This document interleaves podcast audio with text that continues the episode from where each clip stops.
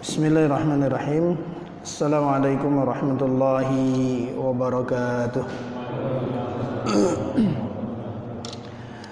الحمد لله رب العالمين الحمد لله حمدا طيبا مباركا فيه الحمد لله بنعمته تتم الصالحات أشهد أن لا إله إلا الله وحده لا شريك له وأشهد أن محمدا عبده ورسوله لا نبي ولا رسول بعده. اللهم صل وسلم وبارك وكرم على نبينا وحبيبنا وشافئنا ومولانا محمد صلى الله عليه وسلم وعلى آله وأصحابه ومن تبعهم بإحسان إلى يوم القيامة. سبحانك لا علم لنا إلا ما علمتنا إنك أنت العليم الحكيم. اللهم انفعنا بما علمتنا وعلمنا ما ينفعنا وزدنا علما. اللهم اجعل تجمعنا هذا تجمعا مرحوما وتفرقنا من بعده تفرقا معصوما. اللهم إنا نسألك العفو والعافية في الدين والدنيا والآخرة. Bapak Ibu kaum muslimin jamaah Masjid Al-Ittihad yang semoga Allah Subhanahu wa taala senantiasa melimpahkan rahmat keberkahannya, hidayah taufiknya, pertolongan serta lindungannya kepada kita semua. Alhamdulillahirabbil alamin. Mari bersama mengawali pertemuan yang mulia ini kembali kita memanjatkan pujian pengagungan kita kehadirat Allah Subhanahu wa taala. Pujian pengagungan yang menjadi bagian syukur kita kepada Allah atas semua kenikmatan-kenikmatan yang Allah Subhanahu wa taala hadirkan. Semoga syukur yang senantiasa kita panjatkan menjadi sebab kenikmatan-kenikmatan yang Allah karuniakan terus terjaga dan Allah Subhanahu wa taala hadirkan keberkahan di dalamnya sehingga bisa menjadi sarana untuk kita untuk taat kepada Allah Subhanahu wa taala dan untuk lebih dekat kepada Allah Subhanahu wa taala. Salawat serta salam semoga senantiasa terlimpahkan kepada Rasulullah sallallahu alaihi wasallam, kepada keluarganya, kepada para sahabatnya dan juga kepada seluruh umatnya ila akhir zaman. Dan tentu kita senantiasa memohon kepada Allah semoga keimanan kita kepada Nabi sallallahu alaihi wasallam, kecintaan kita kepada Rasulullah kelak menjadi sebab Allah karuniakan kita syafaatnya dan dihimpunkan bersama Rasulullah sallallahu alaihi wasallam di surga di surga Allah Subhanahu wa taala. Nah, Bapak Ibu saudaraku yang dimuliakan Allah, alhamdulillah malam hari ini dengan izin Allah Subhanahu wa taala kembali kita bisa duduk bersama semata karena Allah. Semoga duduknya kita di malam hari ini bisa menjadi penguat iman Islam kita, bisa menjadi penguat pemahaman kita dan bisa menjadi bagian dari amalan-amalan utama yang dengannya kita berharap semoga kelak menjadi sebab Allah Subhanahu wa taala karuniakan rahmatnya kepada kita kepada kita semua. Melanjutkan tadabbur kita di juz 30 kemarin di kesempatan-kesempatan yang lalu kita sudah tadabburi bersama sampai surat uh, Al-Insyiqaq. Insyaallah uh, malam hari ini kita akan melanjutkan surat berikutnya yaitu surat Al-Buruj. Nah sebelum kita tadabburkan bersama dan pelajaran-pelajaran apa saja yang bisa kita ambil yang menjadi bagian iman kita kepada Al-Quran Mari kita baca bersama surat Al-Buruj. Kita awali dengan ta'awud A'udhu billahi minasyaitanir rajim. Bismillahirrahmanirrahim والسماء ذات البروج واليوم الموعود وشاهد ومشهود قتل أصحاب الأخدود النار ذات الوقود إذ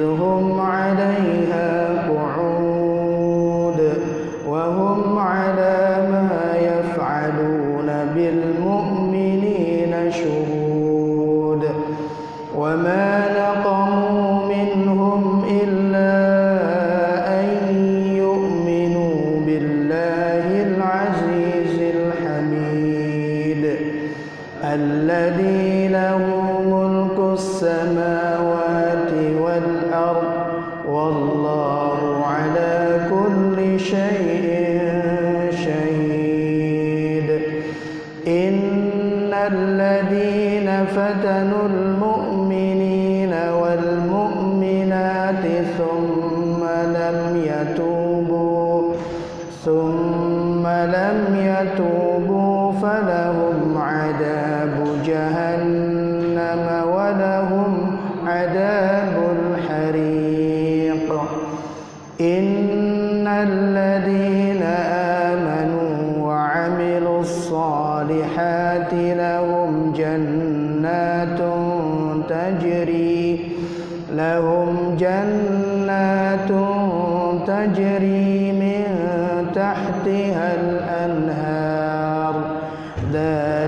الفوز الكبير.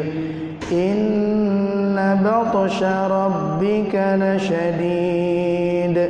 إنه هو يبدئ ويعيد. وهو الغفور الودود. ذو العرش المجيد. فعال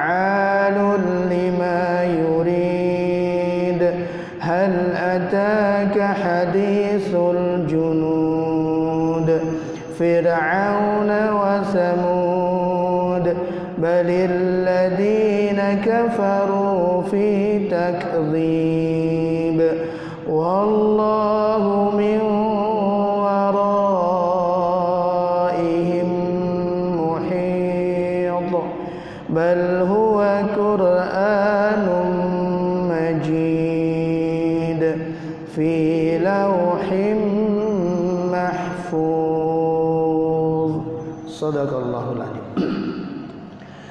Surat Al-Buruj.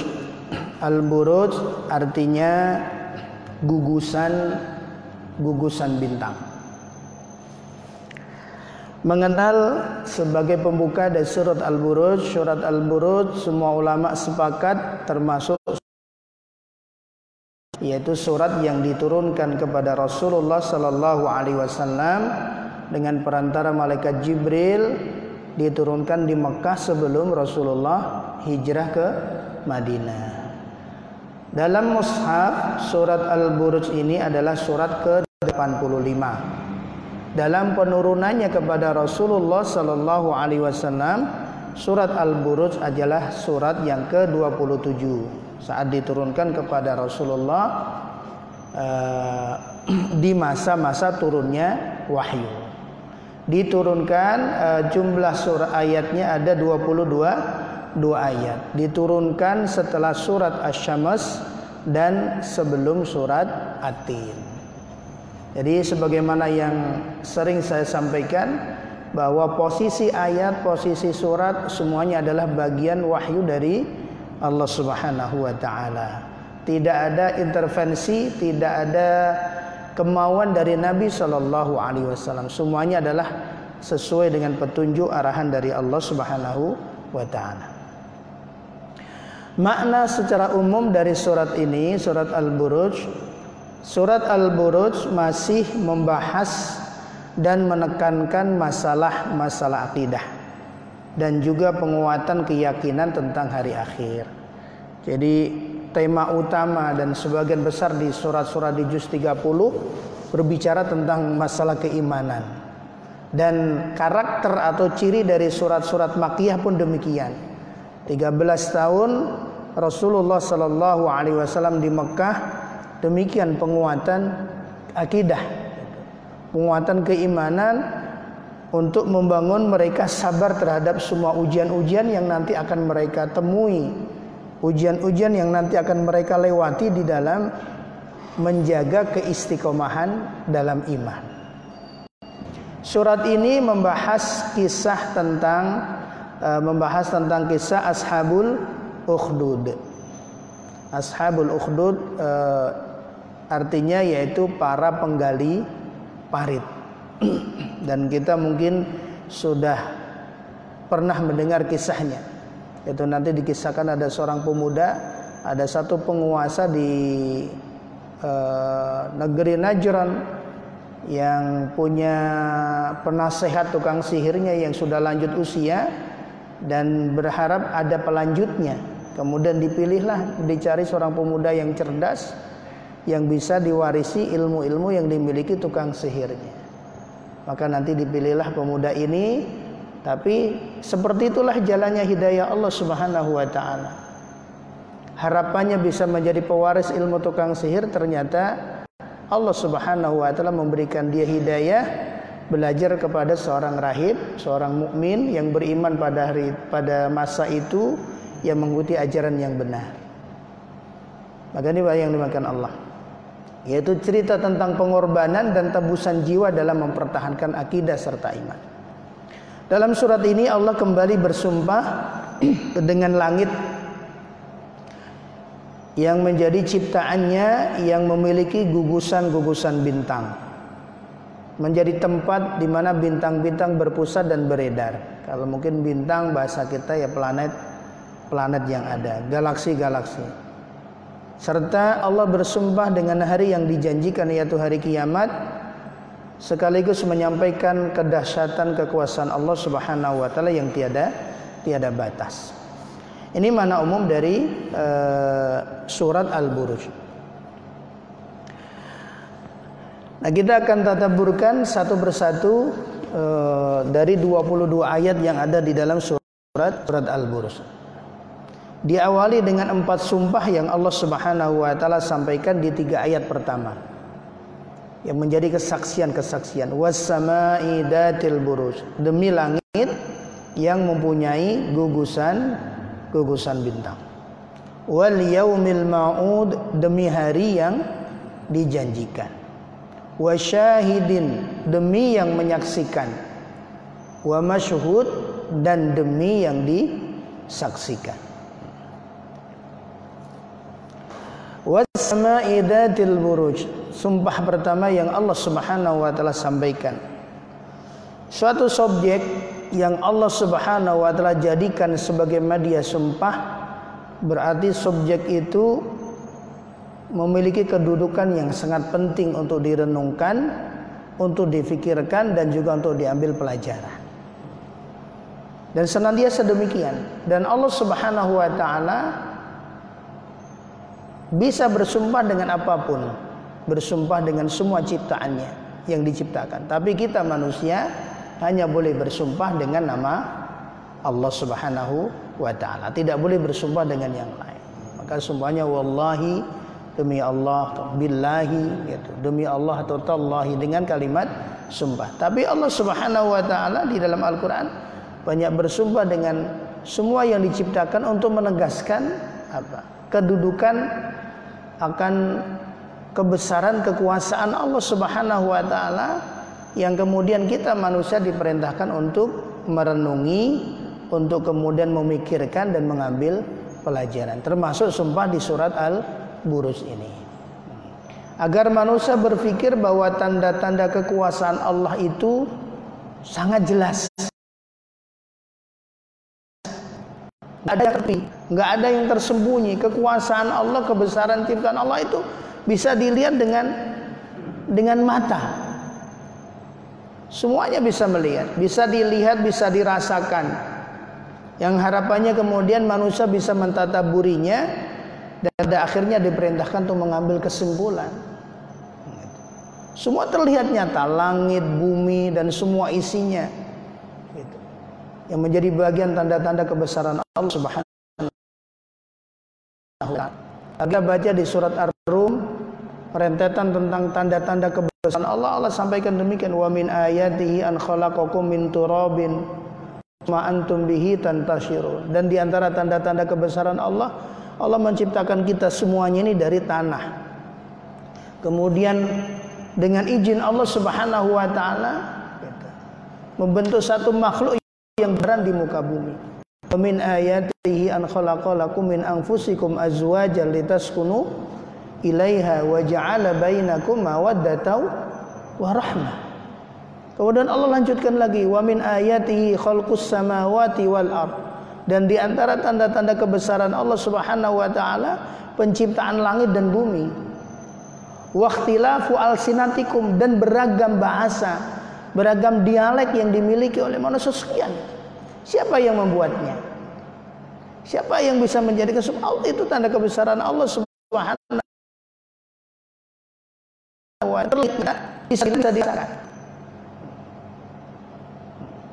Dan Allah Subhanahu wa taala ketika menurunkan wahyu ini kepada Rasulullah wasama'i buruj demi langit yang memiliki gugusan-gugusan bintang bagi orang Arab pada saat itu belum ada alat yang mereka bisa melihat bintang-bintang secara langsung. Belum ada apa? Teleskop ya. Gitu. Belum ada teropong. Tapi Allah sudah sampaikan. Karena memang mereka memahaminya ini yang yang menyampaikan keluar dari lisan orang yang as-sadiqul amin, orang-orang yang benar dan orang yang jujur. Yang semua yang keluar itu pasti nggak dosa. Walaupun kemudian secara hakikatnya mereka belum memahaminya. Tapi mereka faham ini dari Rasulullah. Mereka percaya demikian. Nah ini semuanya memberikan gambaran apa? Gambaran kemukjizatan Al-Quran bahwa memang benar-benar Al-Quran itu dari dari Allah Subhanahu Wa Taala. Al-Quran ini firman firman Allah. Yang kemudian dengan ilmu pengetahuan baru kemudian disingkap bahwa di langit ini ada miliaran galaksi. Yang tidak bisa belum dijangkau ilmu, ilmu pengetahuan manusia sampai sekarang semua yang ada di di langit itu. Bangunan yang sangat kokoh. Nah ini menjadi kemukjizatan Al-Qur'an bahwa Al-Qur'an benar-benar firman Allah Subhanahu wa taala di mana Allah Al-Alim Maha mengetahui segala sesuatu Maha teliti was-sama'i datil burus demi langit yang memiliki gugusan gugusan bintang. Kemudian dikenal ada planet ini, ada planet ini. Ilmu pengetahuan kan menemukan. Itu baru sebagian kecil dari kekuasaan kebesaran Allah Subhanahu wa taala dalam ciptaannya.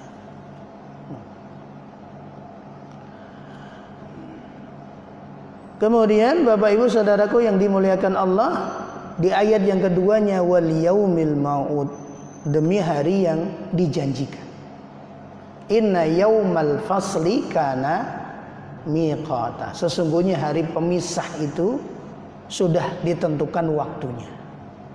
Kapan kiamat itu sudah ada waktunya. Sebagaimana kiamat kecil kematian itu sudah sudah ada waktunya. Tinggal menunggunya. Semuanya kita sudah ada jadwalnya.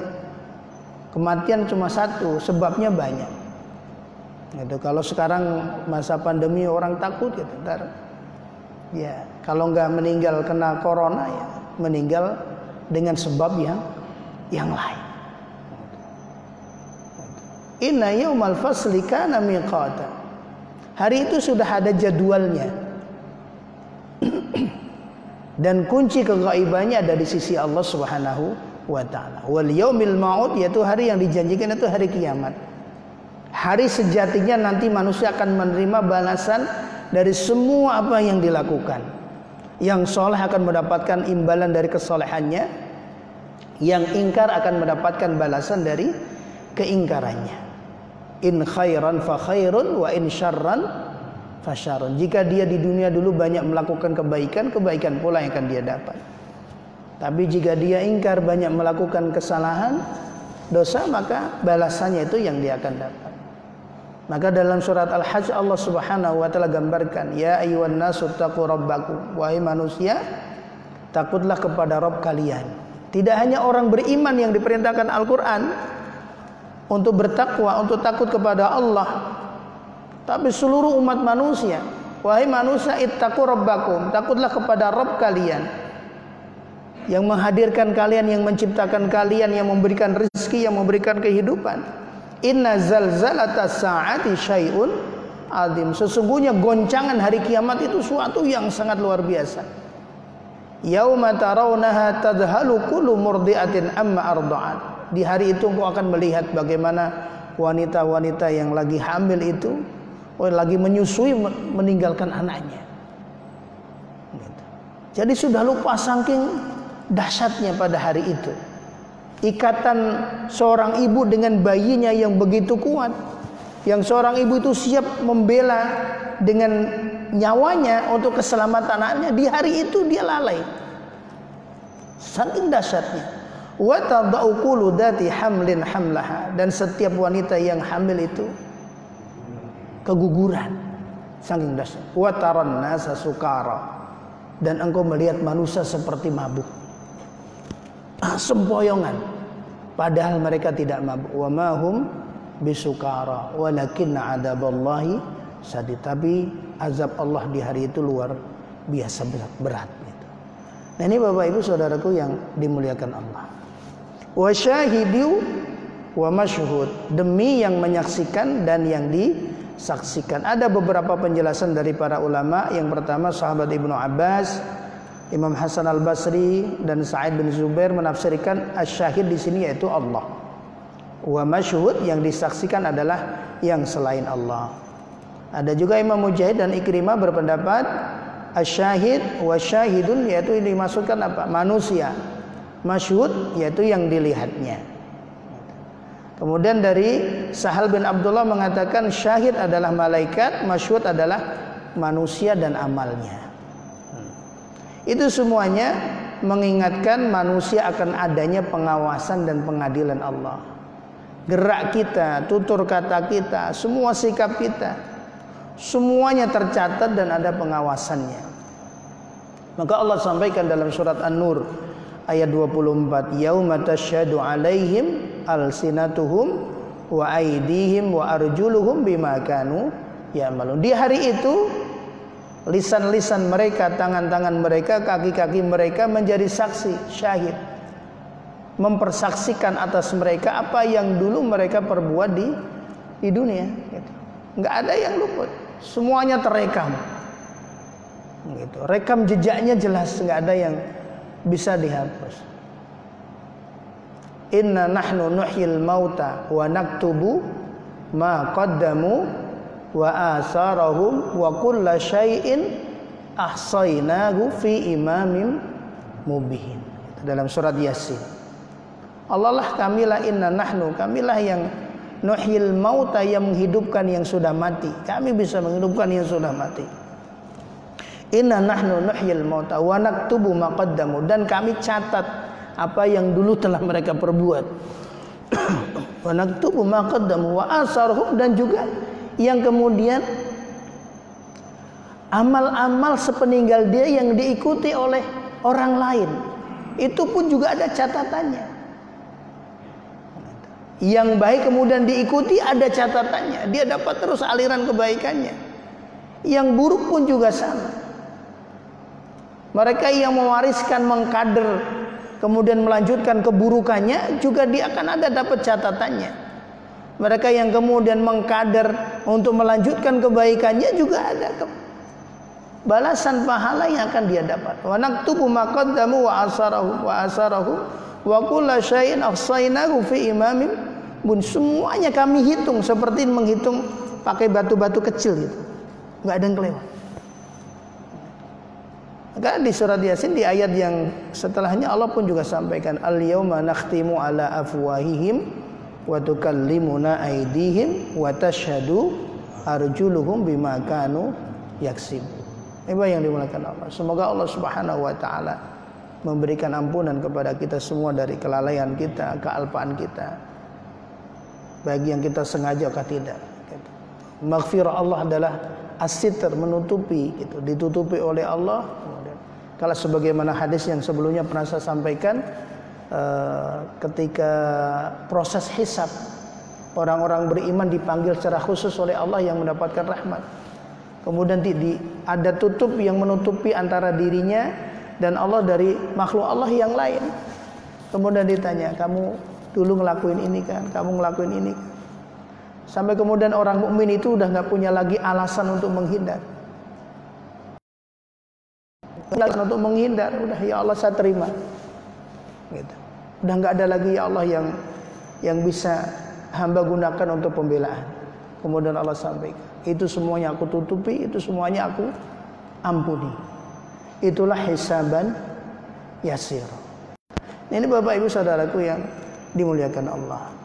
Nah empat sumpah itu nah kalau dalam kaidah nahwu itu ada sumpah ada jawabnya jawabannya apa? Kutila ashabul ukhdud. Binasalah. Gitu. celakalah. Terlaknatlah orang-orang yang membuat parit. Ini bahasa yang luar biasa.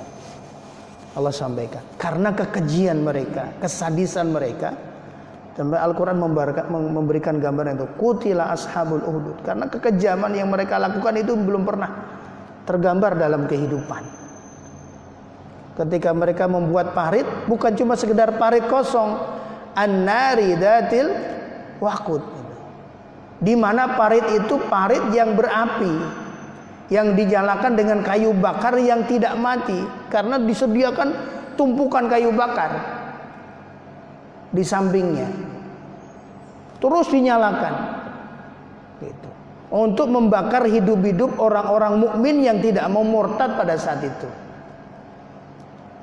Bahkan dalam beberapa riwayat orang mukmin itu diikat kakinya didudukkan kemudian dilempar. Ketika tidak mau murtad dari agamanya keyakinannya. Gitu. maka sampai Allah memberikan pembukanya kutilah binasa dan ternaklah orang-orang yang membuat parit itu. Bukan sebatas parit kosong tapi parit yang diisi yang berapi yang dinyalakan dengan kayu bakar yang bertumpuk.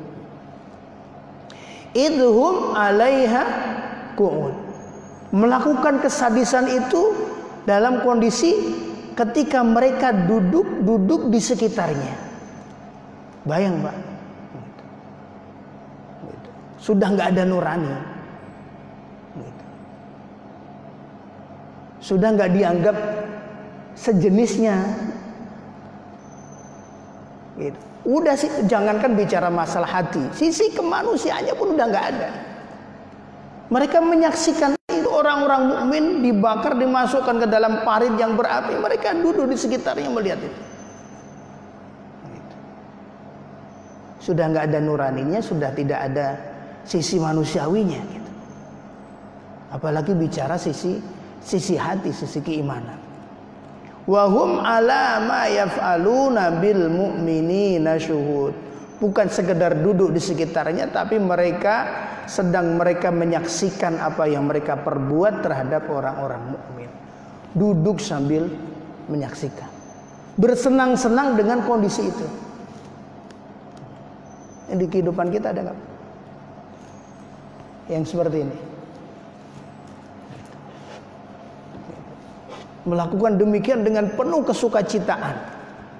Gitu. dengan pesta pora nggak cuma sekedar dulu tapi itu menggambarkan segolongan orang kafir yang meneror orang-orang beriman agar murtad keluar dari keimanannya. Tapi orang-orang mukmin ini tetap teguh pada keyakinannya hingga mereka diintimidasi sedemikian rupa. Dibuatkan parit yang dinyalakan dengan kayu bakar kalau nggak mau murtad dilempar satu satu. Sampai kisahnya terakhir seorang ibu dengan bayi bayinya. Ibu itu ragu-ragu kemudian ibunya mengat, eh, si bayinya bicara dengan izin Allah. Wah ibu isbir, sabarlah karena di situ surga Allah Subhanahu wa taala. Kemudian ibunya melemparkan dirinya di situ. Ini yang dimuliakan Allah Subhanahu yang kemudian sebelumnya diawali kisah seorang pemudanya, kemudian rahibnya yang diceritakan oleh Rasulullah Sallallahu Alaihi Wasallam ketika sahabat uh, Hubeb, sahabat uh, Hubeb dibakar punggungnya oleh tuannya karena keimanannya sampai kulitnya mengelupas kelihatan tulang punggungnya Hubeb bin Al-Irz disiksa sedemikian kemudian mengadu kepada Rasulullah sallallahu alaihi wasallam ya Rasulullah amat berat menjaga keimanan ini ya Rasulullah Intimidasinya, ancamannya sedemikian luar biasa ya Rasulullah. Mata Nasrullah. Kapan pertolongan Allah itu datang? Kemudian Nabi membacakan satu ayat dalam suratul Baqarah. Uh, Am hasibatum an tadkhulul jannata wa lamma ya'tikum masalul ladina khalau min qablikum masadhumul ba'sa'u wad-dharra'u wa zulzilu hatta yaqula ar-rasulu wal ladina amanu ma'ahu mata nasrullah ala inna nasrallahi qarib. Dan Nabi menceritakan dulu ada orang-orang sebelum kalian yang mereka menjaga keimanannya, istiqomah dalam keimanannya. Itu. Digergaji badannya terbelah jadi dua. Disisir dengan sisir besi sehingga kulitnya dagingnya terpisah dari tulangnya. Itu kisah ashabul uhdud ini. Rahib yang mengajarkan seorang pemuda ini yang kemudian ketahuan penguasa dibelah badannya. Dan juga seorang pejabat yang buta kemudian dia beriman karena butanya disembuhkan oleh pemuda ini beriman kemudian ketahuan dia disisir badannya pada saat tapi intimidasi yang sedemikian rupa tidak menggoyahkan keyakinan dan keimanan dan ini akan terus sepanjang zaman sedemikian. Gitu. maka saudaraku yang dimuliakan Allah ayat ini berkisah tentang ashabul uhdud para penggali parit. Ada riwayat yang panjang dari Rasulullah Wasallam yang menceritakan ini. Seorang pemuda yaitu dalam hadis uh, yang diriwayatkan oleh Imam uh, sahabat Suhaib Ar-Rumi radhiyallahu anhu. Parit-parit tersebut bukan parit-parit yang kosong, tetapi parit berisi api yang menyala-nyala. Di mana orang-orang beriman tersebut dilemparkan ke dalamnya. Apinya tidak pernah mati karena terus disediakan kayu bakarnya. Apa yang mereka lakukan merupakan kejahatan yang luar biasa. Raja dan anak buahnya telah mengumpulkan berbagai macam kemungkaran karena terkumpul di dalamnya beragam kemungkaran. Pertama, mereka kafir kepada Allah Subhanahu wa taala. Mereka ingkar kepada Allah. Yang kedua, sudah ingkar memusuhi kekasih-kekasih Allah Subhanahu wa taala. Orang-orang beriman itu wali-walinya Allah. Orang-orang mukmin, orang-orang mukmin yang taat, orang mukmin yang istiqomah itulah wali-walinya Allah. Itu man adani waliyan faqad adantu bil harbat. Dalam hadis qudsi Rasulullah menyampaikan siapa yang musuh waliku Allah menyampaikan maka aku kumandangkan perang kepadanya. Memusuhi wali-wali Allah. Yang ketiga, bukan hanya musuh, mereka membunuh dan membakar wali-wali Allah Subhanahu wa taala. Yang keempatnya mereka berlezat-lezat, bersenang-senang, berpesta pora, bersukaria menyaksikan orang mukmin disiksa dan dibakar hidup-hidup. Maka Allah sampaikan kutila ashabul uhdud binasalah dan terlaknatlah karena tiga, empat empat kemungkaran, empat kejahatan, empat kezaliman itu terhimpun dalam satu perbuatan itu sudah ingkar kepada Allah, memusuhi wali-wali Allah, kemudian membunuh, membakar mereka dan mereka berpesta pora.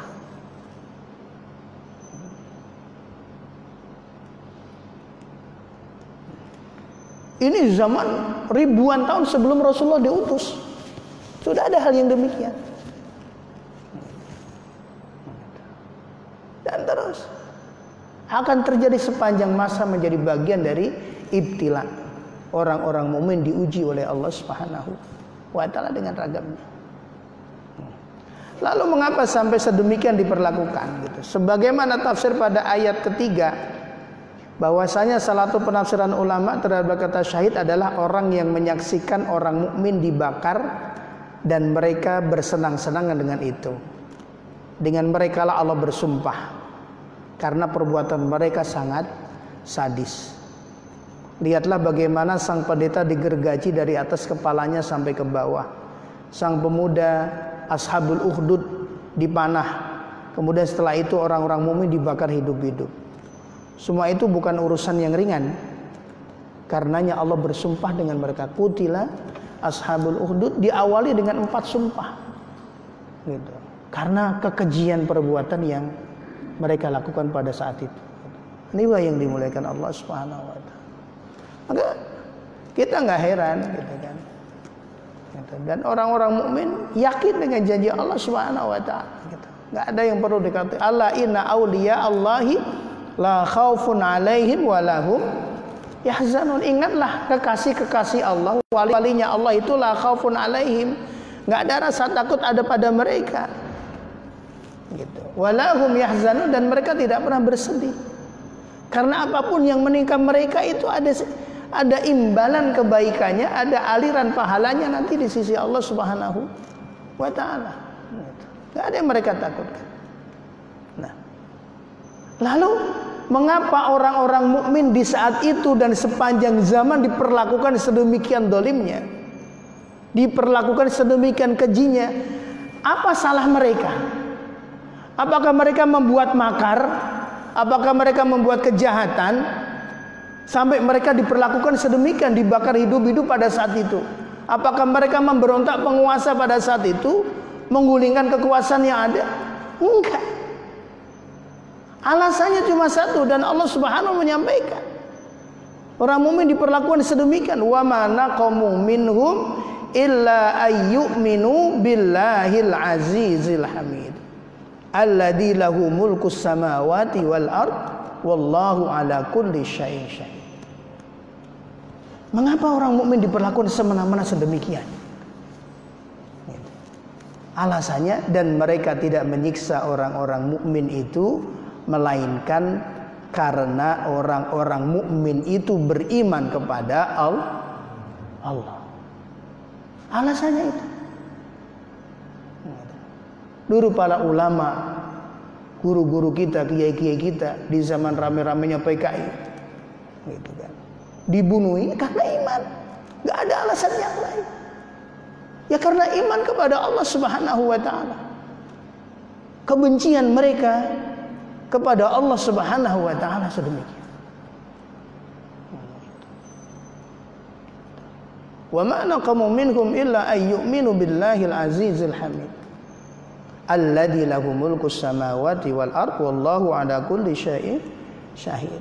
Allah yang mempunyai kerajaan langit dan bumi dan Allah yang menyaksikan segala sesuatu. Semua disaksikan oleh Allah. Nah, apa yang dilakukan oleh para penggali parit bukanlah hal yang baru. Bani Israel bahkan membunuh dan mengejar para nabi dan rasul yang diutus Allah kepada mereka. Dulu juga sama. Gitu. Bani Israel itu nabi-nabinya dibunuhin.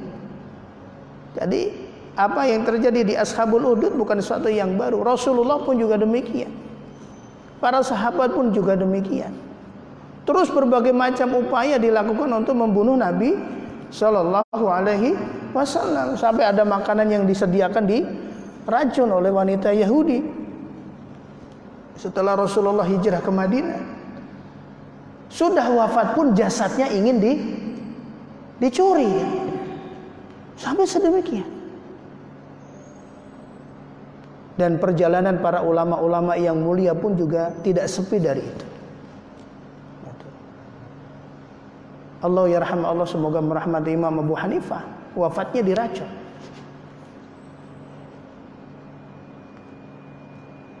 Dan tidak sedikit ulama-ulama yang mulia sedemikian karena keistiqomahan mereka dalam iman dan kebencian. Gitu. Dan tidak pernah mereka membuat makar, tidak pernah mereka menghasut, gitu. Untuk membenci siapa pun, untuk memusuhi siapa pun. Tapi saat mata-mata karena mereka beriman kepada Allah, menegakkan kebaikan, mengajak kebaikan di tengah kehidupan. Hal seperti ini akan terus terulang sepanjang waktu karena dalam realita akan selalu ada tokoh antagonis gitu, yang memusuhi risalah yang dibawa oleh utusan Allah dan kemudian diimani orang-orang mukmin. Akan selalu ada itu. Gitu. Makanya kan digambarkan dunia ini panggung sandiwara gitu. Ada pelaku kebajikannya, ada e, pelaku keja kejahatan gitu. Kalau bahasanya ada antagonis, ada proto protagonis gitu. Ada pelakunya pemain yang baiknya memerankan kebaikan, ada juga yang memerankan kejahatan.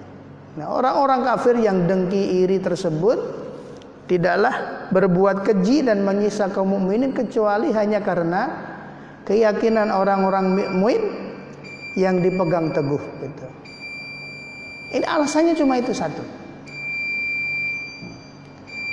Tapi Allah Subhanahu wa taala menjelaskan di ayat berikutnya innal ladina fatanul mu'minina wal mu'minati summa lam yatubu falahum adabu jahannam walahum adabul hari. Di ayat ini ada ancaman sekaligus ada kabar gembira. Bagian dari rahmat Allah kasih sayang Allah.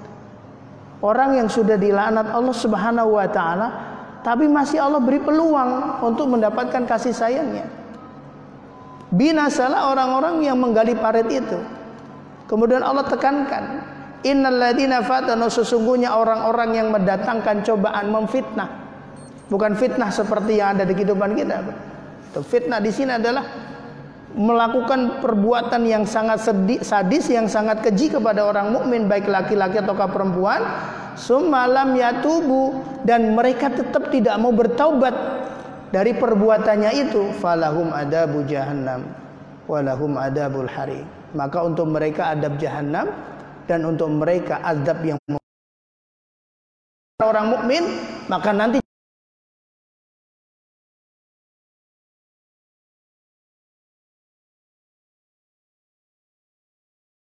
Bayang pak, gitu.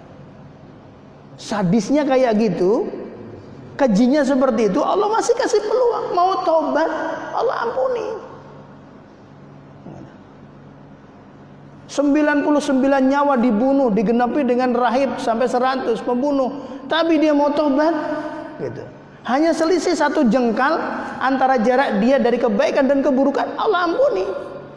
Min alil khair, masuk golongan orang yang yang baik. Nah, ini bapak saudaraku yang dimuliakan Allah. Allah berikan pintu tobat. Ayat ini selain memberikan ancaman kepada orang yang dolim, tapi ayat ini juga sekaligus memberikan pengharapan kepada pelaku maksiat, kepada pelaku oh, sadis terhadap orang-orang mukmin. Allah turunkan azab itu kalau mereka dengan syarat tidak ber taubat. Maka seandainya mereka para pembakar orang-orang mukmin itu bertaubat, maka taubatnya Allah akan terima dan mereka tidak jadi disiksa. Maka Imam Hasan Basri menyampaikan, "Ungduru ila hadal karom wal judi qatalu awliya'ahu wa huwa yad'uhum ila taubah wal maghfirah." Kurang apa kasih sayangnya Allah? Coba perhatikan, lihat kebaikan dan kedermawanan Allah Subhanahu wa taala, kasih sayang Allah, mereka telah membunuh, membakar wali-walinya, membakar kekasih-kekasih Allah, sementara Allah mengajak mereka untuk ber, bertaubat dan memberikan ampunan. Maka Allah sampaikan, "Qul ya ibadiyalladzina asrafu la taqnatu min rahmatillah." Ya Muhammad sampaikanlah kepada hamba-hambaku wahai hamba-hambaku jangan pernah sekali-kali berputus asa dari rahmat Allah gitu. gitu. Maka Allah sampaikan dalam hadis kursi ya ibadi la ataitum uh, wahai hambaku jika kalian nanti menghadapku dengan sepenuh bumi ini dosa Summa lakitani la tusyriku bihi syai'a kemudian kalian menemui diriku tidak mempersekutukan diriku dengan satu apa pun, aku akan datangkan sepenuh bumi ampunan. Selama mau bertaubat, mau kembali, mau menyadari kekeliruan, mau menyadari kealpaannya, mau menyadari kesalahannya. Allah sediakan ampun. Ini luasnya kedermawanan Allah kasih kasih sayang Allah Subhanahu wa taala. Ini Bapak Ibu yang dimuliakan Allah, kita cukupkan sampai ayat ke-10 gitu. Bagaimana Allah uh, perilaku yang sedemikian sadis tapi Allah masih kasih peluang. Kalau mau tobat, Allah ampuni, enggak Allah siksa. Tapi kalau enggak tobat, ya Allah tidak akan mendolimi siapa pun. Allah hanya membalas sesuai dengan apa yang dulu dia dia perbuat. Gitu. Wallahu. Ini mungkin Bapak Ibu saudaraku yang dimuliakan Allah apa yang bisa kita tetap buri sampai ayat ke 10 insya Allah kita akan lanjutkan di waktu yang lain. Semoga ini menjadi pelajaran untuk kita semuanya gitu. Bahwa orang-orang sebelum kita sedemikian mereka mempertahankan iman Islamnya. Maka sebesar apa pun ujian yang Allah berikan dalam kehidupan ini gitu, semoga tidak sampai menggoyahkan iman Islam Islam kita tidak mengurangi taat kita kepada Allah Subhanahu wa taala Wallahu alam bisawab. Uh, alafu minkum astaghfirullah wa lakum. Assalamualaikum warahmatullahi wabarakatuh.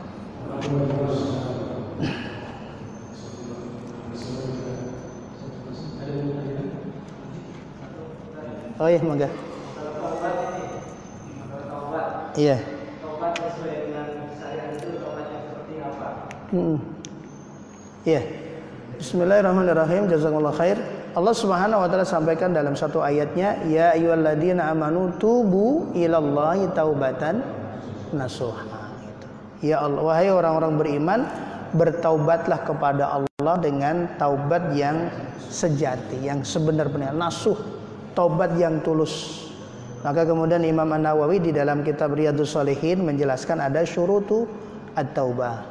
Ada syarat-syarat taubat yang diterima oleh Allah.